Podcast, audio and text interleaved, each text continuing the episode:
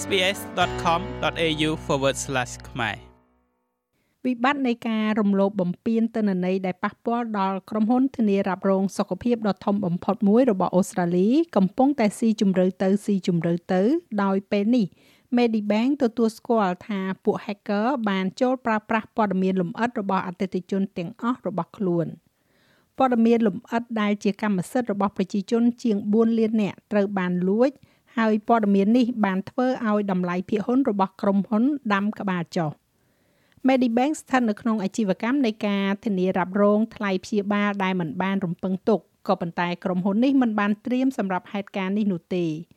ក្រុមហ៊ុនធានារ៉ាប់រងសុខភាពដែលមិនមានគោលនយោបាយផ្ទាល់ខ្លួនប្រឆាំងទៅនឹងឧក្រិដ្ឋកម្មតាមអ៊ីនធឺណិតឬហៅថា Cyber Crime នោះ កាលពីថ្ងៃពុធទី26ខែតុលាក្រុមហ៊ុននេះបានបញ្ជាក់នៅក្នុងសន្និសីទតាមទូរស័ព្ទថាការព្យាករណ៍នៃការរំលោភបំពានទិន្នន័យនៅថ្ងៃទី12ខែតុលាគឺធ្ងន់ធ្ងរជាងការគិតដំបូងដំបូងនាយកប្រតិបត្តិរបស់ Medibank គឺលោក David Kolka មានប្រសាសន៍ថាវាគឺជាឧក្រិដ្ឋកម្មដែលបង្កើតឡើងដើម្បីបង្កគ្រោះថ្នាក់ជាអតិបរមាដល់សមាជិកដែលងាយរងគ្រោះបំផុតនៃសហគមន៍របស់យើង Previously advised we have evidence that the criminal ដោយដែលបានណែនាំពីមុនយើងមានផុសតាងដែលថាអ ுக ្រិតជន បានលុបទិន្នន័យការទៀមទាសំណងបញ្ហាសុខភាព និងទិន្នន័យផ្ទាល់ខ្លួន របស់អតិថិជនយើងមួយចំនួន ហើយឥឡូវនេះវាទំនងជាថាអ ுக ្រិតជន បានលួចទិន្នន័យការទៀមទាសំណងបញ្ហាសុខភាព និងទិន្នន័យផ្ទាល់ខ្លួនបន្ថែមទៀត ជាលទ្ធផលយើងរំពឹងថាតួលេខអតិថិជនដែលរងផលប៉ះពាល់អាចកើនឡើងដោយមិនបានរំពឹងទុកនេះគឺជាអ ுக ្រិតកម្មដ៏គួរឲ្យភ័យខ្លាចអ្វីដែលរួមបញ្ចូលនៅក្នុងនេះគឺទិន្នន័យផ្ទាល់ខ្លួនរបស់អតិថិជនទាំងអស់របស់ Medibank និងទិន្នន័យទាមទារសំណងយ៉ាងច្រើន ដែលបង្ហាញពីនីតិវិធីវិជ្ជសាស្ត្រនិងការធ្វើរោគវិនិច្ឆ័យ សាខាដ៏សំខាន់របស់ Medibank ដែលជាសាខាបម្រើអតិថិជនតាមអនឡាញដែលមានតម្លៃថោកជាង គឺ AHM និងអតិថិជនជានិស្សិតអន្តរជាតិទាំងអតីតកាលនិងបច្ចុប្បន្នកាលត្រូវបានរងផលប៉ះពាល់ទាំងអស់ដំណឹងនេះបានធ្វើឲ្យតម្លៃភាគហ៊ុនរបស់ក្រុមហ៊ុនធ្លាក់ចុះជាង15%កាលពីថ្ងៃទី26ខែតុលាក្រុមហ៊ុន Medibank បានដាក់ថ្លៃចំណាយទៅលើការគ្រប់គ្រងគ្រោះមហន្តរាយលើកនេះ ដល់ទៅ35លានដុល្លារសម្រាប់ការងារដូចជាការការពារអត្តសញ្ញាណ ID របស់អតិថិជន និងការវិនិយោគបច្ចេកវិទ្យាប៉ុន្តែมันបានរាប់បញ្ចូលថ្លៃដើមដែលតាក់ទងទៅនឹងបទបញ្ញត្តិឬក៏វិវាទជាសក្តានុពលនោះទេ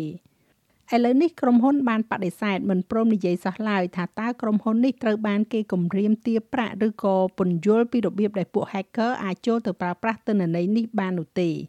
គេគ្រាន់តែដឹងថាទិន្នន័យទាំងនេះត្រូវបានគេលួចយកទៅ បន្ទាប់ពីពួក hacker ផ្ដល់នៅប៉ាន់គំរូមួយប៉ុន្តែលោក John Goodall នាយកប្រតិបត្តិផ្នែកបច្ចេកវិទ្យានិងប្រតិបត្តិការរបស់ Medibank និយាយថា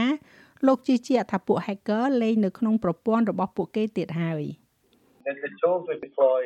basically are set up to prevent that ឧបករណ៍ដែលយើងបានដាក់ឲ្យប្រើជាមូលដ្ឋានត្រូវបានបង្កើតឡើងដើម្បីការពារការចូលទៅក្នុងប្រព័ន្ធនេះដើម្បីការពារសកម្មភាពព្យាបាទចូលទៅក្នុងប្រព័ន្ធ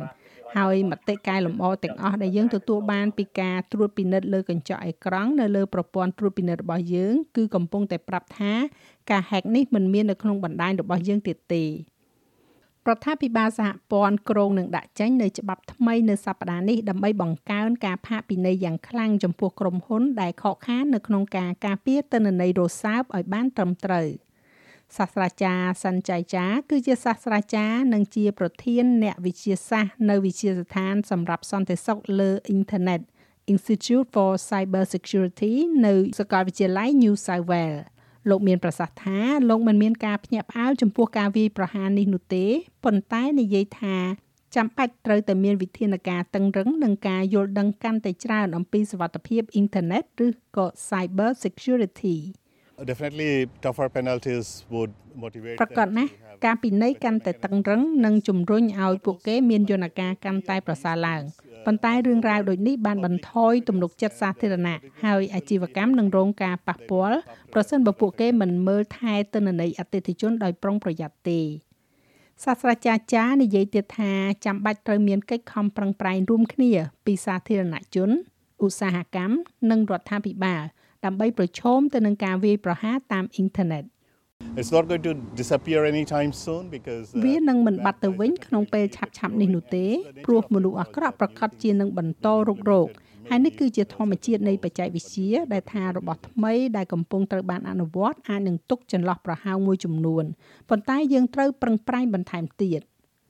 ក្រុមហ៊ុនធានារ៉ាប់រងសុខភាព Medibank ផ្ដល់ជូនឲ្យអតិថិជននៅការផ្អាកការដំឡើងបុព្វលាភរហូតដល់ទៅពាក់កណ្ដាលខែមករា ហើយបានដកការណែនាំពេញមួយឆ្នាំរបស់ខ្លួនសម្រាប់កំណើនអ្នកកាន់គោលនយោបាយដែលមានចំនួន3.2%ក៏ប៉ុន្តែថ្លៃចំណាយពិតប្រាកដគឺជាអតិថិជនចាស់ហើយរបាយការណ៍នេះចងក្រងឡើងដោយ Kat Landers និង Hanan Kwan សម្រាប់ SBS News និងប្រែសម្រួលសម្រាប់ការផ្សាយរបស់ SBS ខ្មែរដោយនាងខ្ញុំហៃសុផារ៉ានីចូលចិត្តអ្វីដែលអ្នកស្ដាប់នេះទេ Subscribe SBS ខ្មែរនៅលើ Podcast Player ដែលលោកអ្នកចូលចិត្ត